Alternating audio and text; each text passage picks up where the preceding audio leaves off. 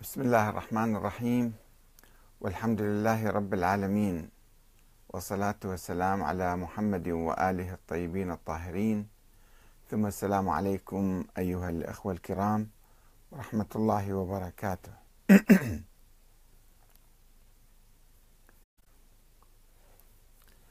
لك الحق بالمشاركة في الانتخابات أو مقاطعتها ولكن لا تقل هذا واجب أو حرام. فالحقل السياسي ليس مجالا للفتوى.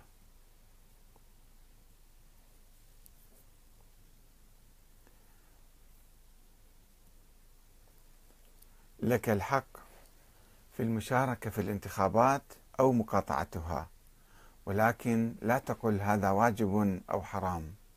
فالحقل السياسي ليس مجالا للفتوى. هل توجد مرجعية دينية في الإسلام؟ وهل الحقل السياسي مجال للفتوى؟ لماذا يخلط البعض بين السياسة والدين ويصادر حرية الناس في تقرير مصيرهم؟ لماذا يفتي هذا الشيخ بوجوب المشاركة في الانتخابات ويفتي ذاك بحرمتها؟ وما هو البديل عن مقاطعة الانتخابات والعملية السياسية الديمقراطية؟ هل هو الانقلاب العسكري أم الفوضى؟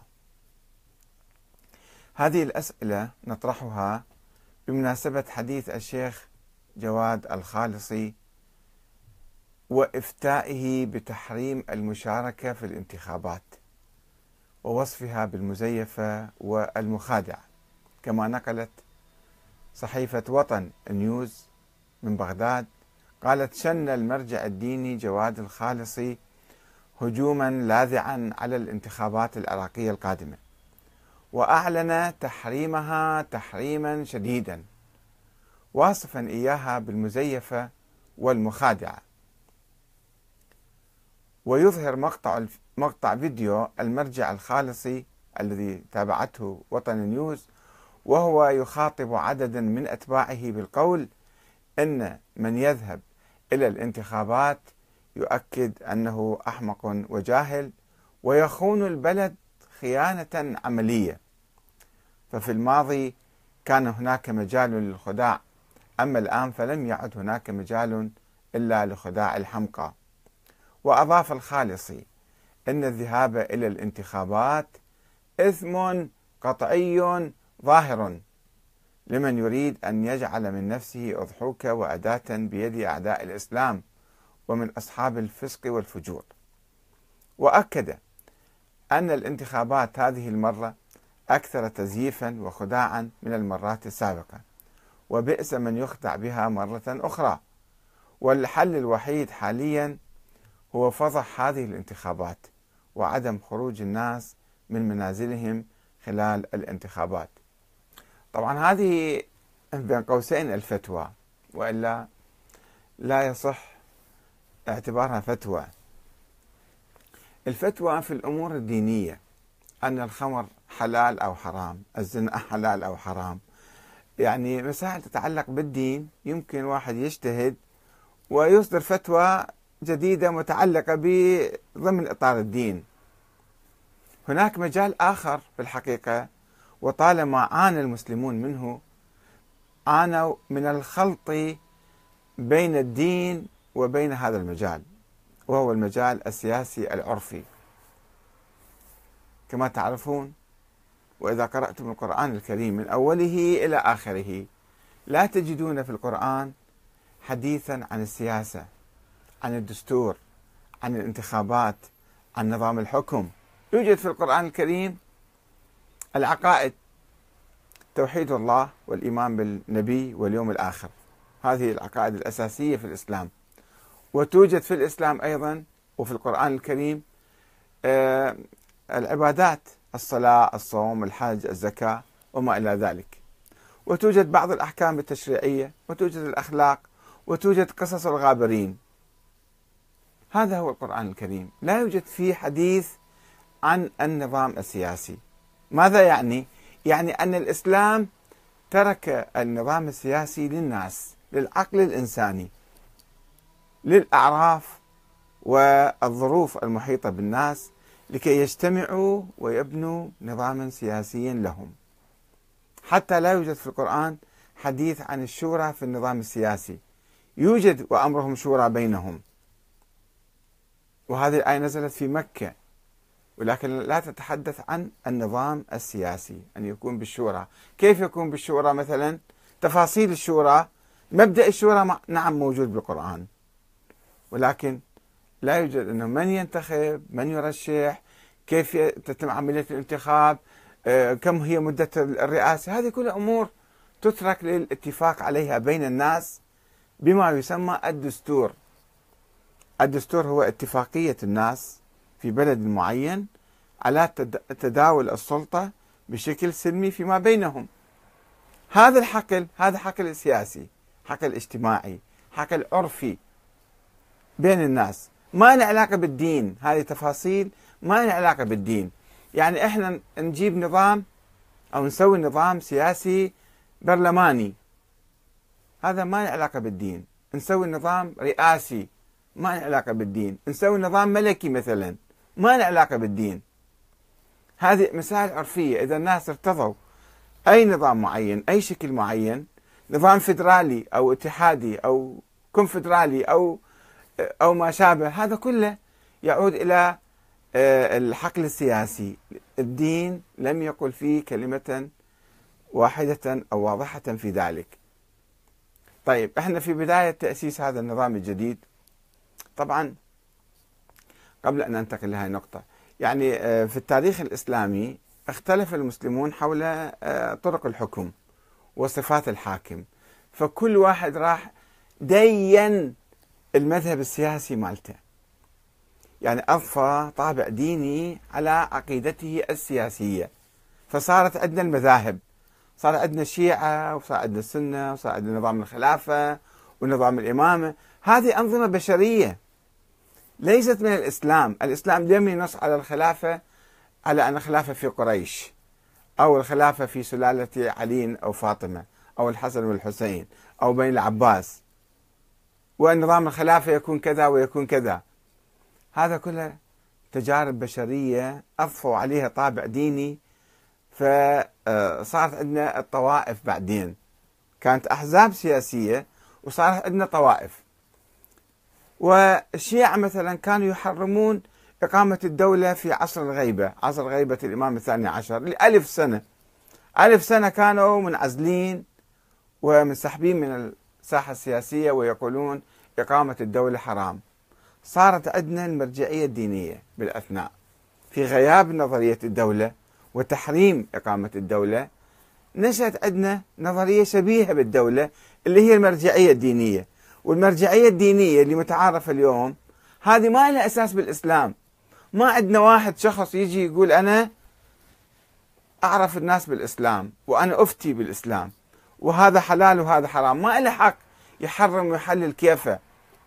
يمكن ينقل لنا روايات عن النبي معقولة ولكن ما ما ما يصح وما يحق له أن يعتبر نفسه هو مرجع ديني. ما عندنا في الإسلام شيء اسمه مرجع ديني.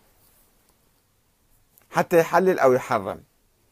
سابقا كانوا يقولون الدولة حرام ثم بعد ذلك قالوا الدولة حلال. لا مو بس حلال الدولة واجب أيضا. ويجب على الناس المشاركة في الانتخابات.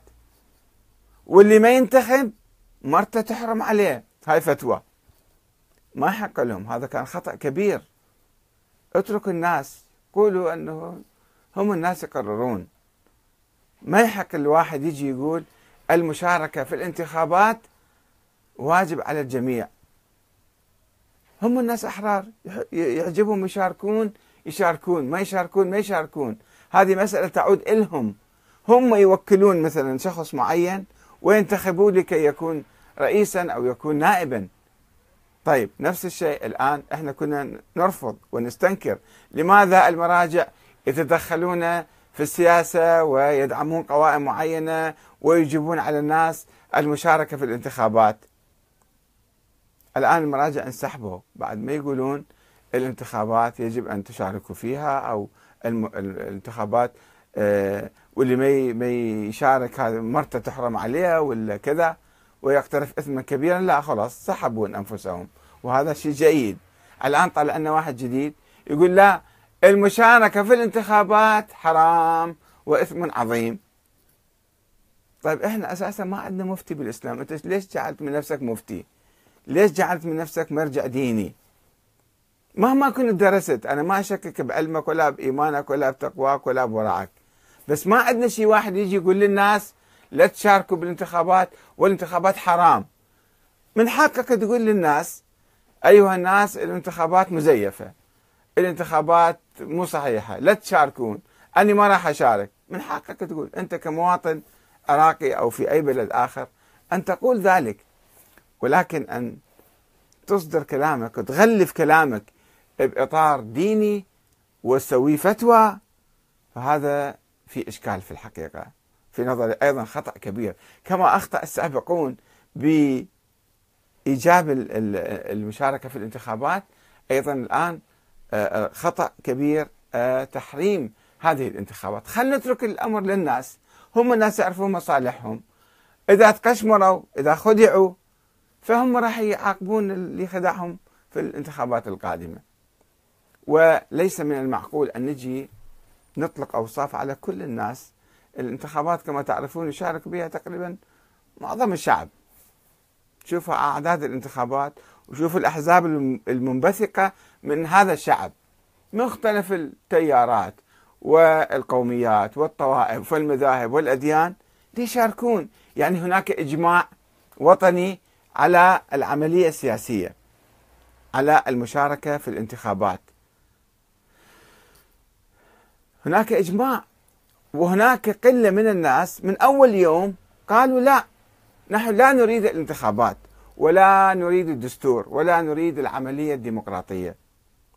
طيب هيئة علماء المسلمين الشيخ حارث الضاري وغيره. وبعدين اجوا الدواعش ومن لف لفهم أيضا اتخذوا هذا الموقف وقالوا نحن لا نشارك. وهذا النظام كله باطل. النظام باطل لأنه أمريكا جابت هذا النظام. طيب لو أمريكا ما كانت جاية وما كانت محتلة العراق ماذا كنتم تفعلون؟ هل كنتم تؤمنون بالنظام الديمقراطي ولا تؤمنون بالنظام العسكر؟ حكم صدام حسين.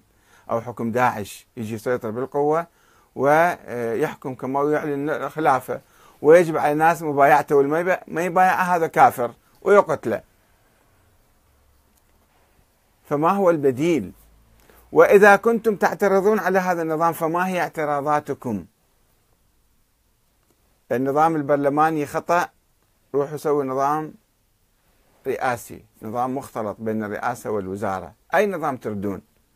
بس ما يمكن تقولون إحنا هذا النظام خلص انقاطع طيب قاطعتوه ما هو البديل لديكم؟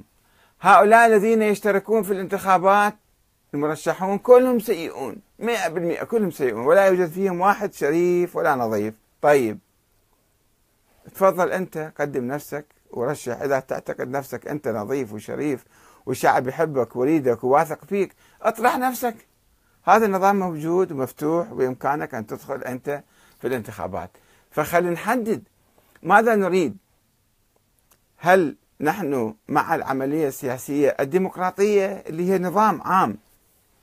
فيها لعب فيها تزوير فيها كل شيء ممكن.